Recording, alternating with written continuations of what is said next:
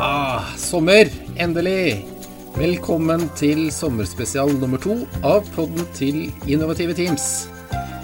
Vi har nok ikke laget noen nye episoder til deg i sommer, men isteden så tenker vi å sende om igjen noen av de episodene som har vært mest populære, altså da har fått mest antall lytt, sånn at vi kan holde litt ved like denne praten, dialogen om eh, team og ledelse. Så med det så ønsker vi dere deg en riktig god sommer. Ta en lytt innom hvis du eh, har lyst til å høre på nytt eller om igjen noen gode episoder. God sommer!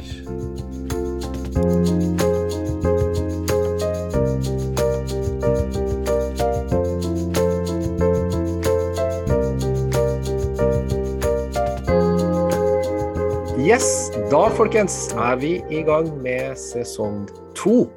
Og vi har faktisk fått inn en del eh, spørsmål som vi skal eh, bruke litt tid på, vi tre. Så eh, nå sitter jeg her sammen med Endre. Hei, Endre. Hei, hei, Frode.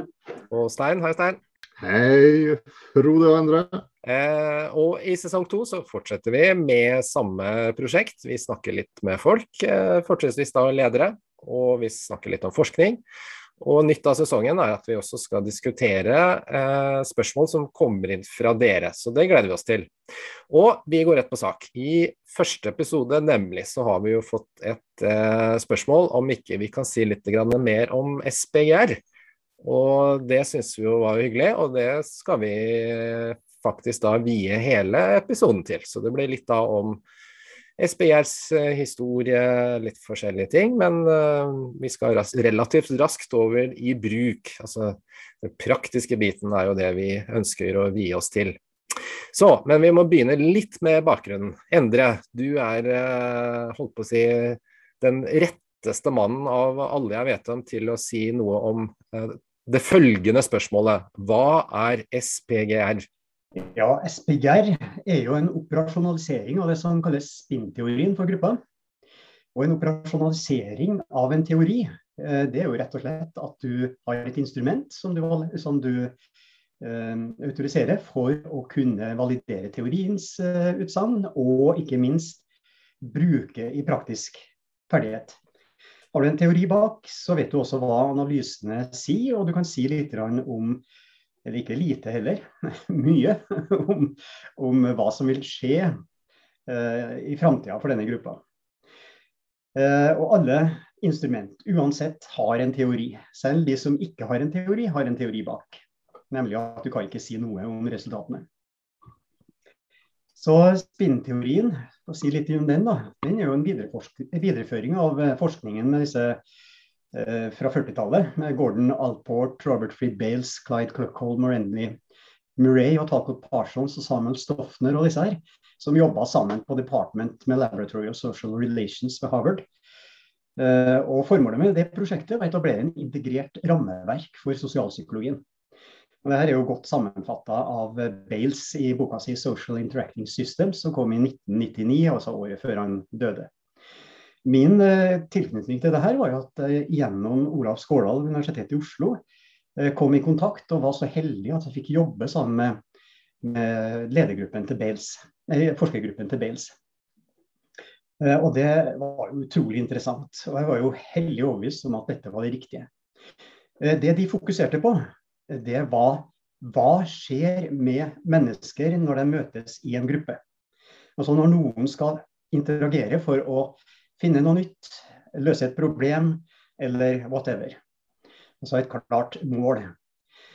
Det de også var interessert i, er hvordan da konteksten, altså omgivelsene, altså de ytre betingelsene, um, påvirka dette samspillet. Altså dette, Hva skjer mellom folk når de møtes i en gruppe? Hvorfor oppfører folk seg forskjellig når de er i en gruppe, i en kontekst og i annerledes i en annen kontekst, i en annen gruppe. Og på tida ute i, ja, på 60-tallet, det var en mer nøyaktig 64, så publiserte Joseph McGrath eh, noe han kalte IPO-modell, altså Input Process Output, hvor han sier at hvor han prøver å lage en systematikk rundt dette med at ja, vi har noen ytre variabler som påvirker prosessen. Og prosessen styrer hva du bruker disse ytre variablene til for å få et output som er positivt eller negativt. Eh, men han fremhever stadig vekk, og det som ligger hele grunnlaget for den forskningsrelasjonen jeg nettopp nevnte, er nettopp det at T-en i IPO-modellen, altså prosessen, er den viktigste. Og svaret på spørsmålet ditt er jo at SPGR er det prosessen som måles. I tillegg så har vi andre elementer som måler kontekstvariabler og sånne ting. Men det er primært prosessen, altså den du må påvirke for å øke et, et teams produksjonsevne eller innovasjonsevne, eller hva du ønsker å gjøre. Og SPGR og spinnteorien er jo under stadig utvikling. Vi, altså dette SPGR-institutt ble jo etablert for å sikre eh, en kontinuerlig sånn monitorering av hva som skjer i forskninga. Eh, og omsette det i, i praktisk eh, brukbare instrumenter. Eh, og SPGR er jo en samlebetegnelse. Det står jo for systematisere person-gruppe-samspillet. Og det er jo en systematisering, eller en, et overordna navn på flere sånne instrument som har dukka opp etter hvert. Ja, flott Endre. Da tar vi med oss det at SPR er et uh, verktøy. og da skal Vi skal komme litt tilbake til hvordan uh, det er i bruk. Men uh, litt tilbake til noe av det du sa, Endre, som, som høres så litt spennende ut. Når folk møtes, sier du, så skjer det jo et eller annet. Er det med atferden du tenker på da, kanskje, eller hva da? Ja, det er jo atferd som endres. Altså vi, vi, endrer vår måte å forholde oss til ut fra hva andre gjør, sier, og ikke minst eh, hva situasjonen du er oppe i. Mm. Eh, noen ganger så trekker vi oss tilbake for vi føler oss usikre pga. situasjonsvariabler. Andre ganger så er vi offensive og med. og Det er jo et samspill mellom den dynamikken som skjer i gruppa, og de ytre omstendighetene. Eh, bare for å gi et eksempel. Da. Vi hadde en, en gjeng som rodde over Atlanteren. De skulle sette, sette rekordforsøk. Eh, og det var ganske tøffe forhold. De var utsatt for dårlig vær, vind og motstrøm, ikke minst. Eh, og de hadde i løpet, som et forskningsprosjekt bedt om å få brukt SPGR. Og SPGR har jo en veldig høy prediktiv validitet. Dvs. Si at når du får en analyse basert på teorien bak, så kan du si hva som kommer til å skje når dette systemet ble, blir satt under press. Eh, og de, eh, en, de, sendte jo disse dataene over via satellitt, og vi analyserte dem og ga en kort stikkordmessig tilbakemelding. Hva bør dere se på nå? Og første, Allerede etter en, noen dager ute på sjøen under de forholdene, så så vi i SPGR-analysen at eh, her begynte det å utvikle seg en polarisering. Altså en latent konflikt Eh, og vi sa at dere må passe på sånn og sånn, eh, ta tak i disse, disse her tingene, og dere må gjøre sånn og sånn.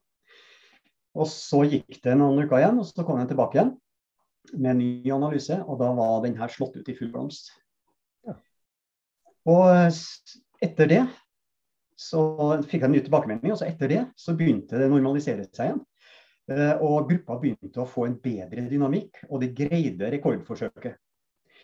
Ja. Og i, eh, i eh, denne debriefen vi hadde med, med gruppa, når man kom over, så sa de jo det at de tok ikke den første tilbakemeldinga på alvor. De hadde ikke merka denne konflikten. Og det er jo litt av, av denne uh, styrken til instrumentet at du kan få frem latente ting før det blir synlig. Altså mm. mens du har sjansen til å gjøre noe med det. Og så fikk de det rett i fleisen, at det var faktisk riktig, og da tok de det på alvor. Og Da begynte de å jobbe, og da tok de disse tilbakemeldingene veldig, veldig uh, på alvor. Og de mente at det var suksessfaktoren som gjorde at de greide ja. rekorden. Og Da kan du si overføre det til ledergruppa. Eksempel, la oss si at du har en ledergruppe som gjør en SPGR-måling. Eh, og så ser du at det ligger noe latent der. Og da kan du si at ja vel, prediktivalitet, dvs. Si at det blir sånn hvis de blir satt under press. Ja, det er riktig. Men hvis du gjør sånn som disse gjorde etter hvert på sjøen her, da, tar hensyn til det, begynner å analysere hva bør vi se etter hvilke symptomer og signaler er det vi kan se i vårt samspill til at nå er vi på vei utfor stupet, og har allerede forberedt en strategi for å unngå å få denne konflikten eller oppløsningen, da har du vunnet. Og Det er liksom det som er måten å bruke det her instrumentet på. Det. Ja, spennende. Eh, men Endre, jeg har jo da tatt psykologi i grunnfag for mange, mange år siden, eh, og der lærte jeg om noe som het personlighetstest. Som vel da skulle være eh, relativt eh, varige trekk eh, hos personer. Og team er vel som oftest da satt sammen av personer med ulike da, personlighetstrekk, er det ikke det? Så kan man ikke bare bruke personlighetstester til dette her, da, og så se, sette sammen team på bakgrunn av det? Vi kommer jo tilbake til eh, sånn som jeg tenker senere i hva kan SPGR brukes til. SPGR er ingen personlighetstest, den måler relasjoner mellom folk. Eh, det samme er det med personlighetstester. De måler ikke relasjoner, de, hva, de måler hva som er fremtredende egenskaper hos deg. Det vil si at Har du en viss personlighet, er du ekstravert, skårer høyt på den ene big five-dimensjonen der, ok, så har du en tendens til å, å, å um, prate mye og være offensiv og sosial. Og, uh, men det som er viktig når du kommer i en gruppe, er jo nettopp det som hele forskninga fra 40-tallet og frem til begynnelsen av 80-tallet uh, tilsa at du endrer faktisk atferd når du agerer sammen med andre. Selv den mest ekstroverte plutselig blir stille hvis betingelsene og samspillet styrer en dit. Ja. Og de mest introverte som blir engasjert og ser at nå kan jeg bidra faglig og få litt støtte på det i samspillet, kan være skikkelig på og engasjert og virkelig stå på. Og Det, her, det er jo det som er prinsippet bak teambygging. Altså Det er ikke noe magisk i å bygge team eller utvikle team. Eh, team utvikles ikke uten at hver enkelt medlem utvikles i, til å bli en bedre og mer sosialt kompetent eh, lagspiller. Mm. Det som var trist da når jeg nevnte 80-tallet, det var jo at da var jo midt i jappetida. Eh, og alt skulle være så jækla enkelt og, og, og, raskt. Og sky was the limit. Og liksom vi skulle være så kjappe i beslutningene. og Alt skulle gå så fort. Litt av den tendensen vi har hatt nå før før korona i hvert fall. Eh, og da ble denne personlighetsgreia også lagt inn i, i teambygging. Altså Man trodde at mm. man kunne sette sammen team for en slags sånn legoklossebygging. Altså Hvis du hadde et team hvor du hadde nokså alle, alle ulike personligheter samla, så var det jo suksess. Eh, og det er jo ingen forskning som støtter. Tvert imot. Eh, det mest populære eksempelet i siste er jo Googles Aristoteles-prosjekt. Mm. Hvor de fant, eh, var En av disse funnene var at dette var ikke bra. Det var de mer forsiktige, ydmyke ingeniørene altså med samme personlighet. Det var de som var de mest innovative og, og de mest leveringsdyktige timene. Men det her er, trenden har jo holdt seg. da. Og etter hvert som man har funnet at dette ikke virker, så har man slått over på litt mer sånn uh, ja, å se på teamet som helhet. Mm. Og så har man svingt tilbake når de fant ut at det ikke virka heller, til, til mer sånn personlighetsfokus igjen. Ja. Og Det har jo vært trist, da, for det har jo fått lov til å leve. Og har jo hemma på en måte utviklinga av forskninga eh, fram til, til, nå, faktisk. Men nå har det virkelig tatt av. Den andre. Ja. Spennende. Og selv IP-modellen til, eh, til McRath er jo misbrukt. Og Det er jo veldig mye forskning som, som kommer opp på det. da. Og liksom ja. Man har, har kalt det IPO-modell, og så har man brukt de omliggende faktorene. Altså F.eks. hvordan kjører du beste møter, og sånn, sånn gjør de beste timene Og sånt. Og så har man gitt blaffen i teamet. Bare heve på noen spørsmål om ja, har vi noen konflikter, har vi det bra her, lederen, ikke sant, sånn. Så jeg er veldig fornøyd for tida. Ja. Virkelig godt å se. ja. ja. veldig bra. Ok, så vi tar med oss SPGR. Det er et uh, verktøy Eh, fordi det er et eller annet som skjer når folk møter folk. Og SPR er et verktøy for å måle det, og vi skal bli litt mer avanserte eh, etter hvert. skal høre litt med Stein nå, fordi på Sjøkrigsskolen så bruker dere jo SPR, eh, holdt på å si for det det er verdt, da. Men dere bruker det jo grundig, systematisk, i opptrening, opplæring av eh, deres kadetter. Så få høre litt, Stein. Hvordan, eh, hvordan, ser dette ut i, i praktisk eh, virke? Ja, rent praktisk. Det er viktig for oss på høgskolen å kunne utvikle dugende offiserer. Uh, og Offiserer skal jo ta beslutninger, og gjerne i situasjoner som er litt uh, kilen eller vanskeligere, for ikke å si livsfarlig. Da. Men det gjør de ikke alene. De er, du er alltid et team. Du kan si hva du vil. Det er sikkert mange store hærførere som uh, kanskje er, ser litt alene ut, men de er egentlig ikke det. Det er i et eller annet team. og da er jo da, Hvis du vil ha gode beslutninger, så er du fullstendig avhengig av et godt team som, som faktisk kan støtte opp og ja, fasilitere, et fint ord, uh, til gode beslutninger. Og dermed handlinger. Og Det blir jo da viktig for oss. og Da er det to ting vi, som er viktig for oss. Eh, for det første skal vi jo utvikle enkeltindividets evne til å få en, kan man si, en litt sånn allsidig personlighet. For å bruke det. Det er et artig begrep. Altså, det at man ikke sementeres i en eller annen atferd som ja, det her er meg, sånn er jeg, og jeg kan ikke gjøre noe annet. Det blir viktig for deg. Hvis du skal være en, en god leder, så må du på en måte ha et register å spille på. Uh, og, og, det vil vi utvikle. Så ja. du, Hvis du er veldig introvert, og må du trene til å si noe, da. Og hvis ja. du babler hele tida, så får du trene til å spørre hva andre mener. Stein, jeg får lov til å bare stoppe deg litt der. Vi, vi må uh, vi, vi, jobber oss metodisk litt igjennom.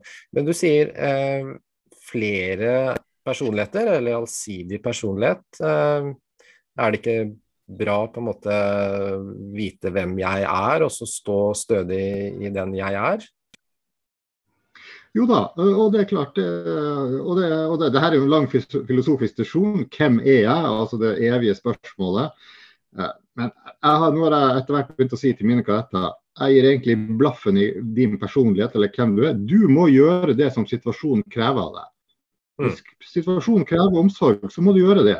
Hvis det krever fast og streng eh, handling, så må du være det. Hvis det er at du protesterer, må du være Hvis det krever at du skal være stille, så må du Du, du kan ikke bare uh, lene deg på din Ja, men det er bare sånn jeg er. Unnskyld. Jeg, mm. jeg gjør ikke noe mer. Da må du gjøre noe annet. Du kan ikke være offiser. ja, OK. Så, så, så, det andre er at hvis du skal utvikle en god leder og teamet, dere må ha et godt mellommenneskelig skjønn. Altså et skjønn i den forstand at du får en slags intuitiv følelse for samspillet i gruppa. Sånn at du kan på en måte gå inn på en fruktbar måte og både påvirke, men også la deg påvirke på en god måte i, i gruppa. Mm. Uh, og det skjønner Du må ha et godt språk på det, på atferden. Du må ha et godt språk på det som foregår. og Da er hele sosialpsykologien og teorier. Og vi bruker SPGR-språket der. Sånn at jeg skal få et konkret sette ord på det som foregår inni denne prosessbobla i mm. IPO-modellen. Hvis ikke du har begrep på det, så kan du heller ikke gjøre noe med det. Så ord er viktig her. Så vi lærer dem de ordene, og bruker vi SPGR-verktøyet og det språket der. Så det Vi konkret gjør da, vi, har, vi deler inn i andre semester på høgskolen. så det blir de delt inn i lag, syv til ni personer. som er passelige. Og så sender vi dem på tokt. Eh, tolv eh, uker på Stas og Lemkull, seilskuta Stas og Lemkull. Og da er de i de lagene. Og da kjører vi flere målinger underveis. Uh. Tre, fire, fem kanskje på disse lagene. Og hvor de da må diskutere seg gjennom samspillet i gruppa med utgangspunkt i disse målingene. Så da kan de si ja, sånn virker vi akkurat nå, og hva kan vi gjøre med det. Uh, og så har de også, tvinger vi dem til å ha handlingsplaner i den forstand hva skal jeg trene mer på for at samspillet i gruppa skal bli bedre. Det må de, og det må de dele med hverandre, og så gir de hverandre tilbakemeldinger på det. Dette høres veldig idyllisk ut og veldig idealistisk, dette, men det er fryktelig vanskelig. Det må vi bare si. Dette er ikke lett. Mm. Fordi at Det som er utfordringa, er at grupper setter seg veldig fort. Og det krever masse energi å komme ut av sin dynamikk, og det må man bruke energi på. Hvis man ikke er villig til å legge den energien der, så skjer det ingenting. Og Det er litt sånn det eksempelet til Endre i sted. De var egentlig ikke villige til å legge inn den energien før det var gått så langt at de måtte. Mm. Litt av vår jobb er å sette press på gruppen, sånn at de etter hvert kanskje ser det. Og av og til lykkes vi, og så sier av og til lykkes vi ikke. Vi kommer ingen vei med et team. De bare sementerer seg i en, og så, og så går den sin skeive gang. Si. Eh, men at de blir flinkere og at jeg tror at de utvikler sitt uh, mellommenneskelige skjønn, det er jeg ganske sikker på. De får fått et, et, godt språk på det, og de forstår det at det skjer mye imellom dem som er viktig for å løse de oppdragene de har. Mm.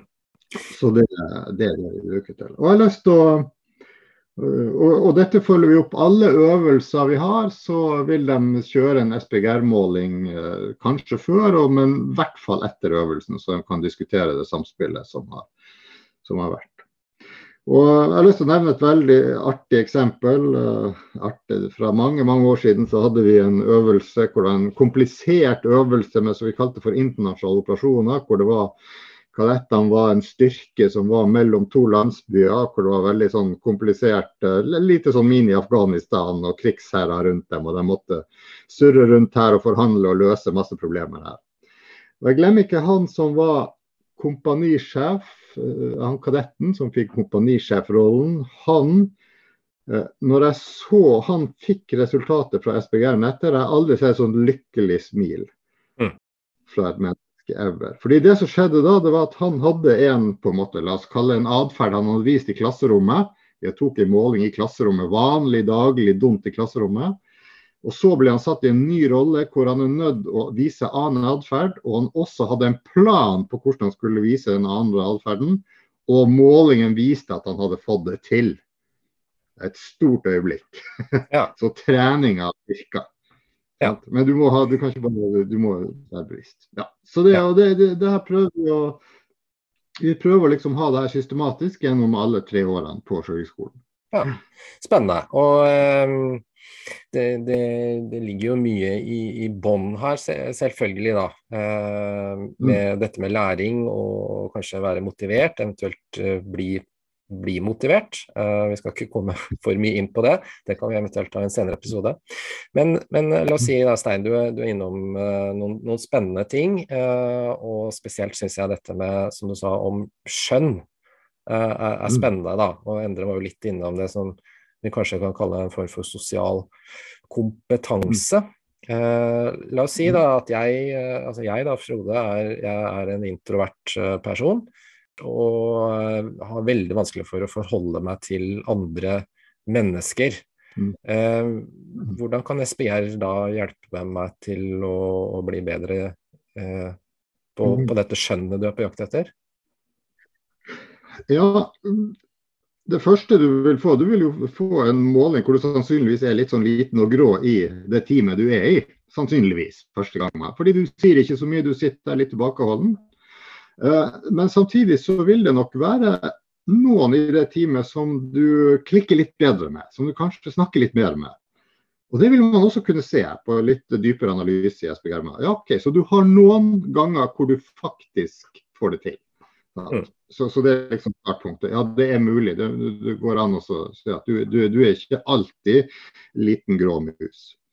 Eh, så må jo hele teamet bli gjort oppmerksom på det her. For det er sikkert ikke bare du, det kan være flere. Og så er det noen som gjerne tar veldig mye plass i et sånt team. Eh, så i en sånn felles diskusjon så kan man komme frem til ok, hva skal til for at Frode skal komme mer på banen. Og Endre, som babler hele tida, roer roe seg litt ned. For det her må være et samspill. Det er ikke bare å si til Frode du må skjerpe deg og komme på banen. Og det er ikke bare å si til Endre nå må du være stille. Sånn. Man må på en måte gjøre det her i et samspill. Sånn. Mm. Og så er det masse små triks man kan trene seg på. Jeg kan coache deg ok, nå også gjør sånn og sånn for å få oppmerksomheten. Og eh, kanskje teamet kan hjelpe deg med ok, hva mener du, Frode? Eh, mm. Sånne små triks i ludo. Men hovedtreninga her er å være oppmerksom på hva som foregår rundt deg. Det skjønner jeg. Ja. Ofte det vi, vi er så opptatt av oss sjøl at vi ser ikke hva som foregår. Vi ser ikke det lille Eh, skuldertrekket, det lille det ansiktet som ser ut som ikke skjønner noen ting hos uh, sidemannen. Altså Man spør liksom ikke de andre. ja. Man har eh, Så det jeg tror jeg er en vel så mye trening at man blir Å ja, det er det som skjer her. Ja, nettopp. Ja. ja. Jeg skylder å gjøre lytteren oppmerksom på at jeg da faktisk har utført en uh, SPR-test på Sjøkrigsskolen. Og uh, det som skjedde, var jo faktisk da at jeg fikk en beskrivelse som en da liten uh, grå mus. Så det, det som det førte til, som var holdt på å si, det var brutalt, for jeg hadde jo et bilde av meg selv som veldig tydelig og førende i gruppa, men det SPR-bildet da viste at det stemte ikke. Så den reality-checken var faktisk enormt viktig for å forstå min atferd i, i, den gruppa. da. Så, så mm. sånn sett så, så, ga det en veldig piff til å, å forstå dette litt bedre. Og forstå meg litt bedre sammen med, med, de andre. Så før vi går videre, da, så bare si det. Uh, denne målingen vi snakker om, da, det kan gjøres på forskjellige måter, men ofte da gjennom uh, et spørreskjema som man da fyller ut og får et bilde av eh, egen atferd og relasjoner til de andre i, i gruppa. Da endrer jeg. Vi har vært eh, på Sjøkrigsskolen. Eh, vi har eh, vært litt i felt. Eh, men SBR det kan jo brukes egentlig Eller ikke egentlig, men det, det brukes og kan brukes i veldig mange andre kontekster. Ta oss litt igjennom praktisk bruk i, i mer sånn sivile settinger, Endre. Ja, vi kan jo ta opp litt av det som, som Stein dro på, Nemlig at det instrumentet brukes til, det er jo nettopp tilbakemelding på atferd. Altså hvordan oppfører du deg i en gruppe? Hvordan reagerer du på andres aksjon? Eh, har du en formålstjenlig reaksjon på det som eh, kommer opp, eller kan du forbedre den? Eh, er det noe du overser hos andres atferd?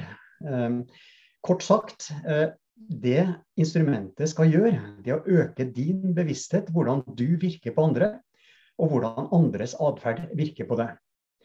Og Det er jo mm. sentralt i, i, all lederutvikling, og også selvfølgelig i teamutvikling. Det er jo det du, det du gjør. Altså Hvis du er, er, som en elefant i et glasshus og raser ned rundt deg, så har du ikke så mye å bidra med i et team heller. Du må være sensitiv i forhold til hvordan folk reagerer. Det hevet øyebrynene, den eh, øynene som slås ned, folk begynner å lene seg tilbake. Whatever. Små mm. eh, kroppssignaler som da Eh, ikke samsvarer med hva som blir sagt, f.eks., er jo en viktig indikator på at nå, nå skjer det ting. Mm. Eh, det andre som er, du ser også når du jobber med team, det er jo da eh, du sitter og observerer, f.eks. Det er at før en sentral endring i teamets dynamikk, altså når den begynner å bli bedre, når dynamikken skal se ut til å løsne, så blir det veldig stille. Mm. Folk blir mer sånn tilbakesatt. Og hvis du sitter her som observatør, så ser du sånne små stjålne blikk bortover deg. Å, kom og hjelp oss, da. Eh, ikke, nå, står vi, eh, nå står vi i stampe her, eller at det er noe eh, sensitivt de må på å jobbe med, altså noe som er følsomt. Da. Mm. Hvis du da reiser deg opp, da, har et skikkelig ego som konsulent og skal vise, gi dem fasiten og forklare dem hva som kommer til å skje, og da må du gjøre, da har du ødelagt hele utviklinga. Mm. Så det du gjør, da, Eh, det er at du sitter bare rolig og blir mer og mer interessert og titter ned i notatene dine. Og da vil du observere at plutselig så dropper de interessen for deg, og er plutselig i gang. Dynamikken skifter i et øyeblikk over til å bli mye eh, mer eh, intens. Folk legger albuene ut på bordet, øyekontakten brukes til å få kontakt og styre diskusjonen. Folk prater nesten i munnen på hverandre. Og du har en helt annen, mer offensiv dynamikk. Mm. Og det der er så artig. Det er så artig. Mm. og Det er det som kalles teamutvikling. Det er jo når du, når du, får disse skiftene og folk erfarer at ja, det her var bra. Du verden så mye jeg lærte nå. Og hvor jeg gleder meg til neste gang jeg skal inn og jobbe sammen med disse folka. Da har du bidratt. Ja. Spennende. Så, så det, det, er jo en form for bevisstgjøring, da, går det an å si det? Um, Absolutt. Og, eh, men, men allikevel, da, i, i den forbindelse, da, så jeg vet om eh, flere da, som som vil hevde at uh, denne bevisstgjøringa, det, det, er enkelt. Jeg, jeg, kjenner på meg når gruppa er sånn, eller jeg kjenner på meg når gruppa er sånn. og eh, Verktøy til å bevisstgjøre, det, det trenger vi ikke. Hva, hva, vil du gi som kommentar til en sånn type utsagn?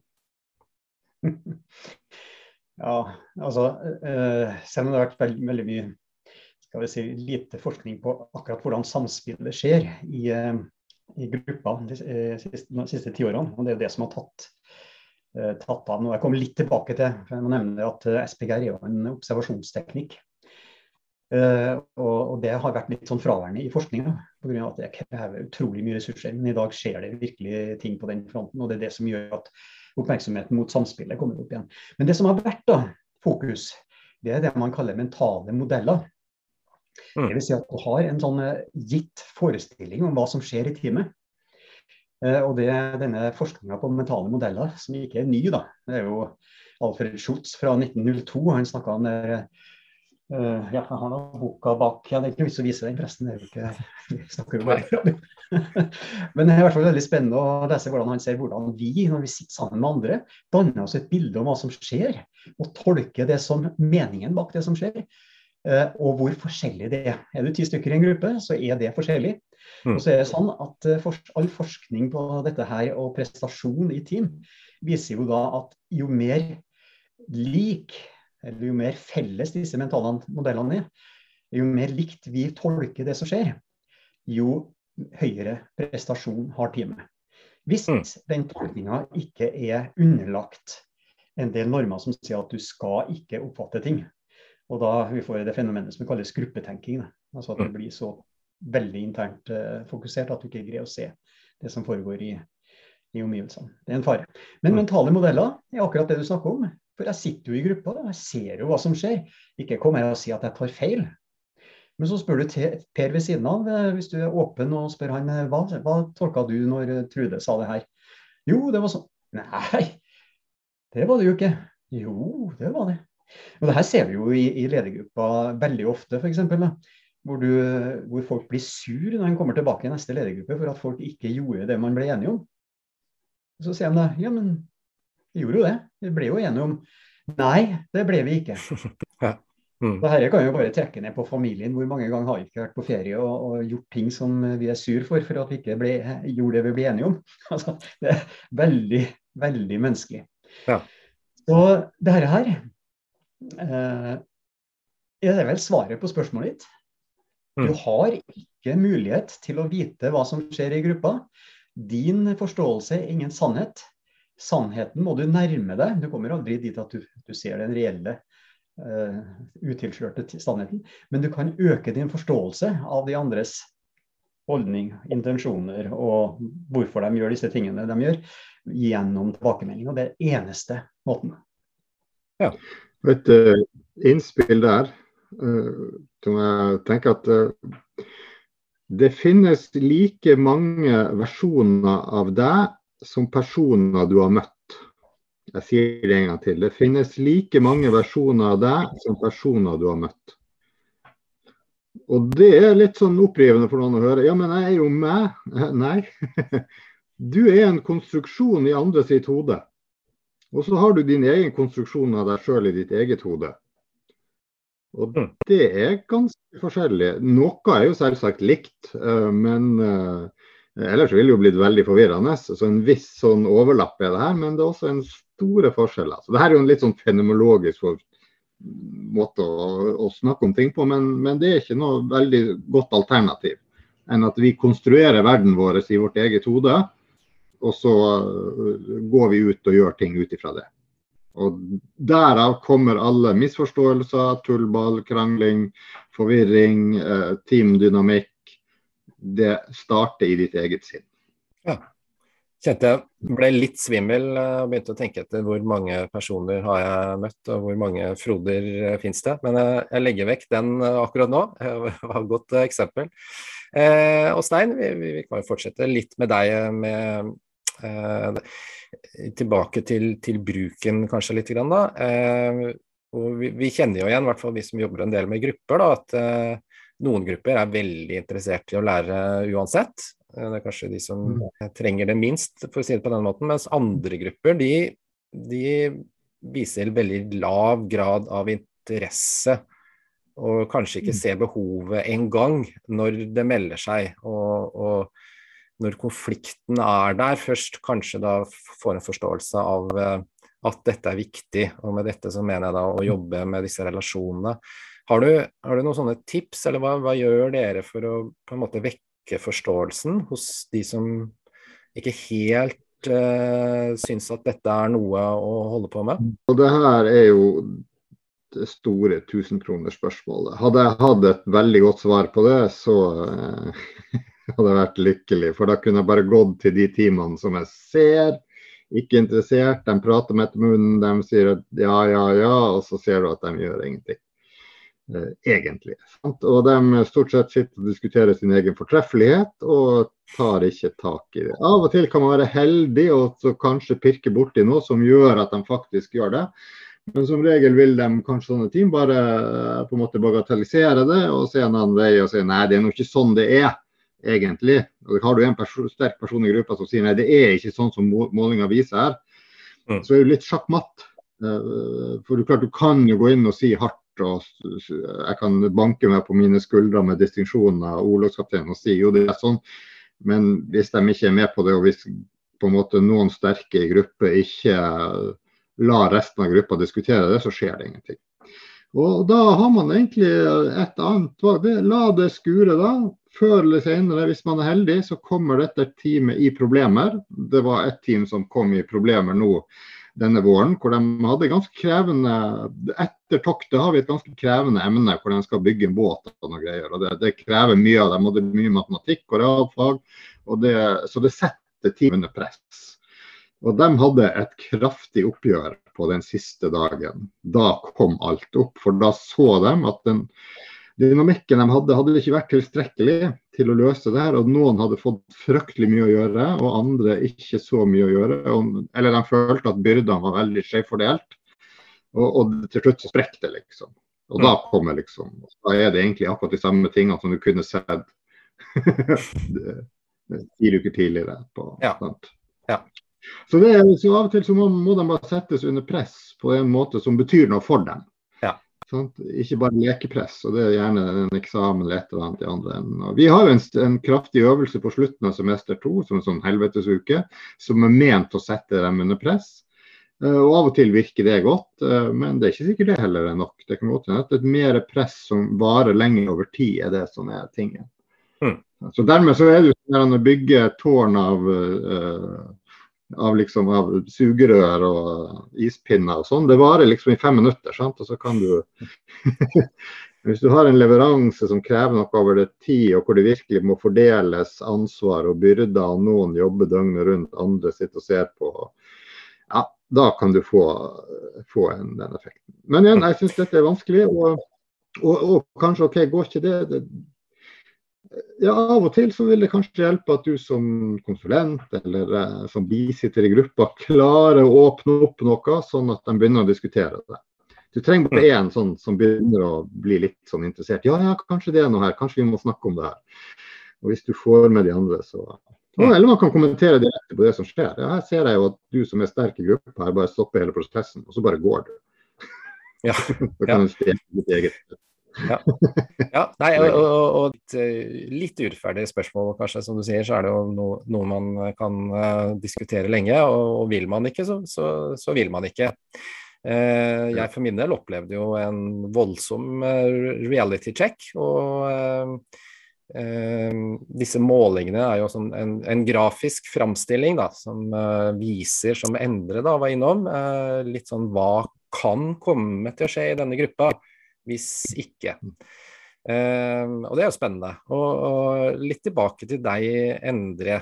Uh, vi var jo på vei over i, eller ut av felt og inn i, i det sivile. Og det er nesten så, jeg, nesten så jeg har lyst til å spørre deg, er det sånn, er det sånn da at denne SPGR-verktøyet, eller denne bruken av SPGR som form for bevisstgjøring, kan den brukes i alle mulige kontekster hvor folk møter folk, eller hva, hva tenker du? Ja, det når folk møter folk og skal samhandle. Det er det, ja. som, er, det, er det som er poenget. Da. Eh, og det, altså et instrument vil jo aldri løse noe. Og Du kan ikke få noe utvikling ved hjelp av et instrument. Det er som Stein legger vekt på, at du må ville sjøl. Og det er jo med ledertrening. Og hvorfor virker ikke ledertrening? Jo, for det egentlig vil du ikke sjøl. og så har du selvfølgelig tilleggs, eh, tilleggsvariabelen, at du har visse normer i gruppa som gjør at når du kommer tilbake igjen fra en ledertrening og har masse high-opplevelse, så vil du pent bli døtta inn i folden, den som du var før. Og Da kommer vi inn på hva SPGR eh, gjør. da. Eh, det er jo nettopp å vise hvilke normer som holder gruppa tilbake igjen. Og derfor eh, må tas på alvor. Mm. Jeg publiserte i år en, en, studie som har gått over noen år, med data fra Sjøkrigsskolen. Med det toktet som, som um, Stein vurderte, og der, eller nevnte. Det er tiukerstoktet, som er ganske tøft. Men det var ett år hvor det var ekstra tøft. Uh, hvor de måtte ta stilling i mye større grad enn enn de andre årene. Og hvor det var mye mindre struktur og hvor de opplevde mye mer kaos. Altså, det vil si at de måtte ta mer tak i denne, eh, denne eh, teamprosessen for å løse oppdraget.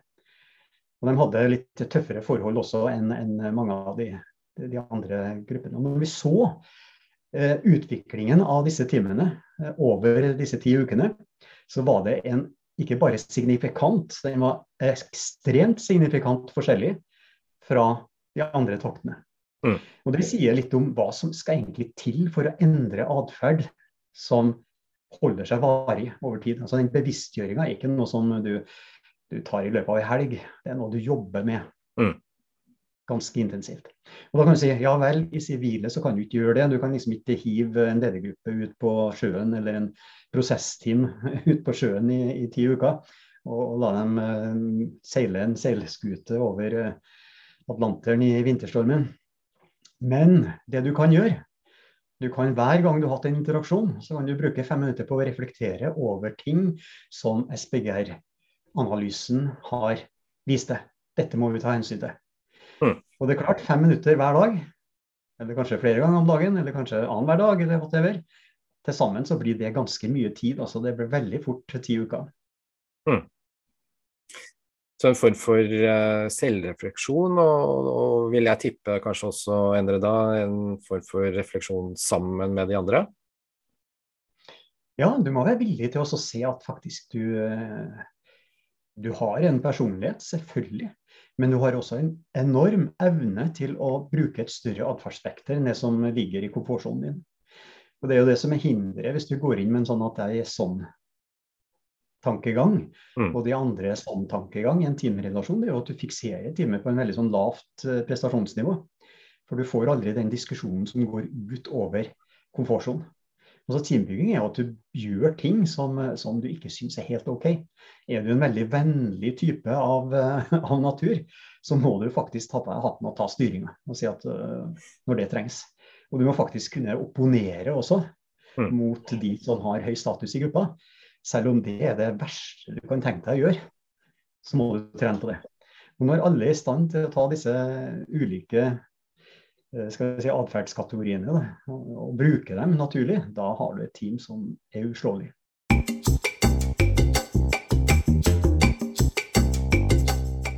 Jeg vil bare hive meg litt på her. for uh, Jeg kan ikke forestille meg annet enn at de fleste ledergrupper rundt i dette land opplever at de er i et visst form for press i det daglige. Det er jo totalt unødvendig å sende dem noen plasser som helst. Du kan jo bare ta hverdagen. Altså, jeg, er sikker på, jeg, jeg tror ikke det er noen, hvis jeg spør ja, Det er vel ganske rolig for dere det, i hverdagen i denne ledergruppa. Så vil de jo se rart nei. Altså, uansett hvor rolig de faktisk har det, så vil de oppleve det som friksjonen Eh, det er strev, det er stress, det er knoting, det er samspillutfordringer, det er misforståelser. Altså den Hverdagen inneholder alt du trenger til å utvikle teamet ditt videre. Hvis du vil, og du må tørre litt òg. Du må være litt modig og gå ut på og ta disse diskusjonene. OK, det forrige møtet her, da opplevde jeg at jeg kom jo ikke til i det hele tatt, og jeg hadde en god idé. Og dere gadd ikke å høre på meg. Jeg er forbanna. Altså, det vil si snakke sant om ting. Altså Det å være ærlig på det planet der, det er en treningssak. Ja. Men da må man jo være enig om at det skal vi gjøre. Hvis man egentlig ikke enig om det, da er det, hvor man ikke gjøre det. Nei, nettopp. Men uh, rent praktisk, Stein. Uh, um, og kan jo godt bruke meg selv som et eksempel. Jeg fikk jo SPGR-måling på at jeg var denne grå musa som vi har vært litt innom. Um, hva, hva, skulle vært neste skritt da, hvis det her var en gruppe som jeg ville fortsette å jobbe med? Ja, og du, du sier det litt. Det, det, er litt innebygd i språket vårt. For å si 'jeg er den grå musa'. Allerede der har du født deg sjøl inn i en rolle og bestemt at det er sånn jeg er. Sant? Så vi, ser, vi, vi, sier det uten at vi er bevisst på sånt, men OK. Eh, for det var jo Denne målinga ble jo tatt sannsynligvis i en viss situasjon etter en viss periode, og det gjaldt for da og da. sant? Så mer fruktbar å begynne OK. Den gang med disse personene i denne situasjonen, så var det sånn. OK. Okay. Det betyr mm. ikke at du er dømt resten. Så der tenker jeg å starte allerede der. Og så være klar over at OK, men når du kommer hjem til ungene dine, så er du stor og blå. Ja. ja. Har litt mer betydning. Ser, ja. Mm. ja, det er sant. Når mor di ser på deg og sier 'Frode', så blir du veldig liten. Ja. Ja, det ga mening. Men... Det ga veldig mening og det får meg til å senke skuldrene litt. Men jeg står jo fortsatt litt sånn uh, i, i sånn usikkerhetsforhold, føler jeg, til han uh, store, tydelige Arne, da, som, uh, som, jeg jo skjønte vi styrte gruppa. Men jeg trodde jo at jeg var litt med og styrte, jeg òg. Men hvordan skal jeg klare å ta det opp med, med han? Nei, det er, jo, det er, jo, denne psykologiske tryggheten. da. Hva skal til for at du tør å gjøre det? Det er jo et spørsmål jeg ville stilt deg. Hva skal til for at du går og snakker med Arne? Hva skal til for at du snakker med Arne mens andre hører på? Det er en annen situasjon. Da skal du til for at du snakker med Arne alene? Fordi man kan snakke med på tomannshånd for å starte et sted. Det går an. Sant? Jeg opplever at du tar så mye plass, Arne, at jeg kommer ikke til Jeg sier ikke noe når du er der. Tro meg, Arne ville vært ganske takknemlig for den tilbakemeldinga, for han ser det ikke sjøl. Ja. Jeg gjorde en tilbakemelding en gang til en person, og, jeg, og, den personen, det var mange år siden, så fikk jeg litt sånn følelse av at han ikke likte meg. Jeg var sikker på at altså, du liker meg. Det var måten han liksom snakka For jeg var en sånn lederrolle, og måten han liksom snakka til meg i plenum og alt sånt, så fikk jeg åh! Og så, så, tok jeg mot til meg. Jeg tok mot til meg. Jeg tenkte nå skal jeg ta egen medisin, og så skal jeg på en måte ja. Så tok han inn på, så, på tomannshånd så sa du jeg lurer på en ting. Min opplevelse er at du ikke liker meg når vi sitter. Han ble helt stille. Og så sa han å herregud, hvis du tenker sånn Det kan jo være andre som tenker det også. Ja. måten jeg er. Og han var evig takknemlig for at jeg hadde sagt det til ham. Ja. Og mange år etterpå så kom han bort til meg og sa du, Husker du den gangen du sa det var gode greier? Så man skal ikke være Man vet aldri. Det kan være meget viktig det å si fra om ting ja. til folk. Spennende. Så det handler litt om å ja, senke skuldrene litt fra med brystkassa og få til en uh, dialog. Ja, og, og jeg tror at en ting du alltid kan være, du kan alltid være ærlig. Og det du kan være ærlig om, det er ikke hvordan Arne er, men det er hvordan du har det. For det er sant. Ja. Jeg syns det er vanskelig å komme til orde. Det er sant. Istedenfor å si du Arne tar for mye plass. For da begynner du å snakke om han. Ja. ja. Og Da blir det sånn forsvarsposisjon. Og da er ballet i gang, liksom. ja, ikke sant. Ja, veldig bra. Det, mm. det, skal jeg ta med meg. Men uh, Endre, uh, og dette har jeg jo selv også opplevd, da, at jeg har en gruppe som jeg leder. Eh, jeg har lyst til å bruke SBGR. Hvordan, hvordan vil det se ut? Du sa jo det, du får et bilde av eh, relasjonene mellom eh, disse teammedlemmene. Og vi vet at det er visse drivere som, som ligger i en gruppedynamikk, som alltid vil være der. Dvs. Si at folk vil gjerne bidra. Altså det kaller vi lik innflytelse, og uttrykkes gjennom at hver person får en sirkel, og disse sirkelstørrelsene varierer i dette feltdiagrammet. Når det kalles feltdiagram, så peker vi tilbake på at spinnteorien er en feltteori, en sosial feltteori.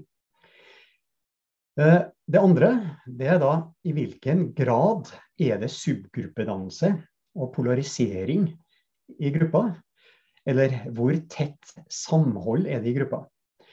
Og de fleste vil jo ha en balanse der som gjør at vi kan si fra og kan være i opposisjon, men samtidig ha et samhold som oppleves som ekte.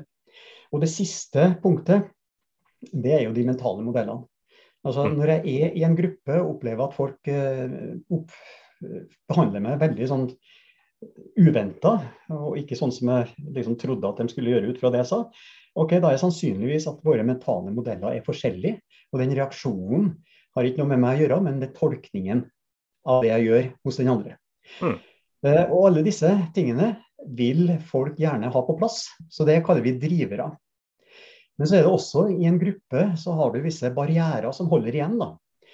Og Det ene er roller og rollestruktur. og Jo mer opptatt av hvem du er du er i teamet, og jo flere merkelapper du har at du er sånn, jo mer fast rollestruktur har du. Altså, det er ikke så mye fleksibilitet i atferden den enkelte viser. Mm. Så det er en barriere. Den andre barrieren det er da gruppens trafikkregler, eller det, vi kaller, det som kalles normer. Altså det er faktisk eh, kjøreregler for hvordan vi eh, for, skal forholde oss, hvilken atferd vi skal vise, og hva vi har lov til å ta opp, og hva som er tabu osv. osv. Det regulerer vår eh, atferd, og det er ganske sterke saker. Det var jo noe av det som disse forskerne i Googles Aristoteles-prosjekt la vekt på. Og det siste er jo det som kalles gruppeemosjoner. Mm. Eller eh, en, en, litt sånn eh, ja, litt slørete navn på, på, akkurat det er jo det som kalles kultur. da, liksom er favner alt. Men, men gruppekultur og organisasjonskultur er jo egentlig hvilke emosjoner er det. Det vil si at vi har en felles måte å reagere på ting utafra. Mm. Eller det som skjer. Og den er jo ubevisst og udelt. Og det her er jo, i og med at det, Hvis du tenker et sånt isfjell, så ligger jo de langt under havoverflaten, og det er vanskelig å få greie på dem. Eh, men atferden ser du. Og Det er jo prinsippet bak, eh, bak uh, instrumentet SPGR også. Det at du tar tak i det du kan se, og så diskuterer hvorfor ser vi det vi ser, og hva er årsaken til at det vi ser, kommer fram. Og Da begynner mm. du faktisk å diskutere det som ligger langt nedi under overflaten, så du slipper å bli et sånt Titanic. Mm. Altså jeg tar med meg gruppa mi, da, og så, og så, gjør jeg denne testen. Og så uh, er det litt avhengig av uh, hva vi ser, eller hvordan hva, hva, er neste skritt, på en måte? Skal vi sette oss ned og diskutere, eller hva ja, gjør vi? Det er jo det. Altså Instrumentet kan vise kartet, men du må navigere. Og gruppa mm. må være med å navigere. Det er akkurat sånn som jeg eh, leste fra Redningssentralen, med at en hektisk sommer nå. Veldig mange som, som har gått på grunn. Og det var en eh, Jeg så et sånt liten eh, notis nå fra en sa at de hadde plukka inn fra et, fra en, med en motorbåt, eller en sånn hurtiggående båt fra et skjær. Og så sa han at ja, men det var jo ikke merka. altså, ja. Det sto ikke en stake der. Og da tenkte jeg ja, ja, det er vel det vi opplever i et uh, team også, når vi renner på et eller annet som vi ikke venta på. Det var faktisk ikke merka. Nei, Nei, du må faktisk uh, se på kartet og så må du si at om er det noe der jeg kan forvente. Ja. Og Da kan du få frem det gjennom en diskusjon i, i gruppa. Ja. En refleksjon over hva du ser. Mm. Veldig bra. Godt bilde. Stein, har du noen eh, velvalgte og bevingete ord, tips, triks Eh, råd som eh, lyttere kan ta med seg eh, videre? Jeg satt og tenkte på det her. Hva er det liksom Når bør du ikke gjøre det her? For det er, det er, noe her Vi sier du må ville det. Og det er noe her som skurrer hos meg. Hvordan, fordi Hvis du spør hvilken som helst ledergruppe, så vil du jo få så vil jo alle si ja, ja, ja, ja dette vil vi. Og jeg kan ikke forestille meg at de sier noe annet enn det, selv om de mener noe annet. Så kanskje er spørsmålet feil. Um, kanskje skal man spørre hvorfor skal vi ikke gjøre det? Mm. Og så kanskje får man noen svar der at uh, ja, nei, vi skal ikke gjøre det fordi jeg syns ikke For å få en virkelig reell diskusjon om hva som er Kanskje det. Jeg vet ikke. Det var bare noe som slo meg. Så det er mine bevingede ord. ja, ja, godt tips. Uh, man må jo rett og slett, før man gjør det, ha en diskusjon om uh, om man vil, eller være ærlig på at vi skal innom denne ærlighetsdimensjonen, som jo er viktig i SPGR. Det er ikke bare fest og, og gøy, men det kommer til å være litt tøffe tak. Ja. Det du ser og det du observerer, det skal du ta tak i. Og det er det som er grunnlaget for tilbakemelding og undrende spørsmål. Da. Hvorfor gjorde du det? Hvorfor sier du det? Jeg mente jo akkurat det motsatte, eller et eller annet sånt. Men det som er mm. viktig kanskje å ta, si på slutten, det er jo at SPGR det er jo et observasjonssystem for observasjon. Mm. Og det, som og det finnes jo da, Vi har jo verktøy, databaserte verktøy som, hvor du kan få en trena observasjon som sitter og kartlegger alle disse, disse interaksjonene. altså hva, Hvem sier hva til hvem, hvordan er reaksjonen osv. Og, så og du får frem analyser over tid eh, som, som ser hvordan dynamikken har utvikla seg. Men eh, det vi har snakka om, stort sett, da, det er jo, det er jo dette, dette atferdsbeskrivende instrumentet. Altså hvor folk eh, vurderer hverandres atferd, altså egen og andres atferd i et team. Eh, det vi har gjort der, det er fortsatt observasjon. Det som er bare trikset her, da, det er at eh, vi har lagt observasjonsoppgaven ned på den enkelte i teamet, mm. istedenfor å ta en ekstern ute. Så disse atferdskategoriene oppleves jo litt merkelig for folk. Nettopp pga. at det er sånn. Men det er jo 40 års uh, empiri bak det, og tilpassing. Og disse, disse, formuleringene de endres jo eh, etter hvert som språket endrer seg. Uh, og det gjør det jo. Vi ser at Hittil så har vi kunnet hatt en ny revidert utgave, og det har vært bra hvert tiende år. Nå ser vi at språket endrer seg mer i anglosaksisk retning av forståelse av ord. Eh, og det går raskere faktisk enn før. Så mm. vi må, må holde den oppdatert. Og det gjelder jo alle instrument, egentlig. At det er mer enn ti år gammelt, så kan du glemme det. Altså, da, mm. da, da, virker det ikke. Da måler du noe annet enn det det er sagt å gjøre. Så veldig obs på det. Men det som gjør at forskninga har kommet tilbake til, til vår det som har vært typisk for SPGR, altså dette med prosessen, P1 IPO-modell, eh, som har vært fraværende nesten i, i, siden 80-tallet, det er jo nettopp at det har blitt enklere å observere. At det finnes teknologi som gjør at du faktisk kan måle interaksjonen i team automatisk. Eller halvautomatisk, i hvert fall. og Der eh, har vi holdt på i åtte år med dette prosjektet Operativ ledelse. hvor Vi har sett på akkurat det, hvordan vi kan utvikle både hardware, altså sensorene eh, som måler, og også algoritmene bak. Mm. Og Det er jo ekstremt spennende. Jeg synes jo det er Altså, jeg har jo en bakgrunn for IT-mann før jeg tok doktorgraden min i organisasjonspsykologi. Eh, så, så jeg elsker jo sånn. Og, da, og det har jo, har jo tatt av. Sånn at eh, Det er jo en av årsakene til at interessen for prosessen har kommet tilbake i forskningen også. Det blir, begynner å bli mer praktisk mulig enn det var før. For at det er mindre jobb, rett og slett. Mm. Yes, veldig bra. Vi håper også at dere syns det var noe gøy her, eventuelt noe dere vil høre mer om, da sender dere en mail til enten meg eller Endre eller Stein, eventuelt noe dere eh, tenkte det her burde vi tatt opp, men ikke tok opp. Eh, eller praktiske råd. F.eks. da jeg er leder og opplever et eller annet, hva gjør jeg? Eh, rent praktisk, eller kanskje til og med også teoretisk så skal vi bruke, dedikere noen episoder i høst til spørsmål og, og, ting dere ønsker vi skal gå nærmere inn på. Med det så sier jeg tusen takk for uh, nå, og um, ha det bra. Ha det bra. Ha det.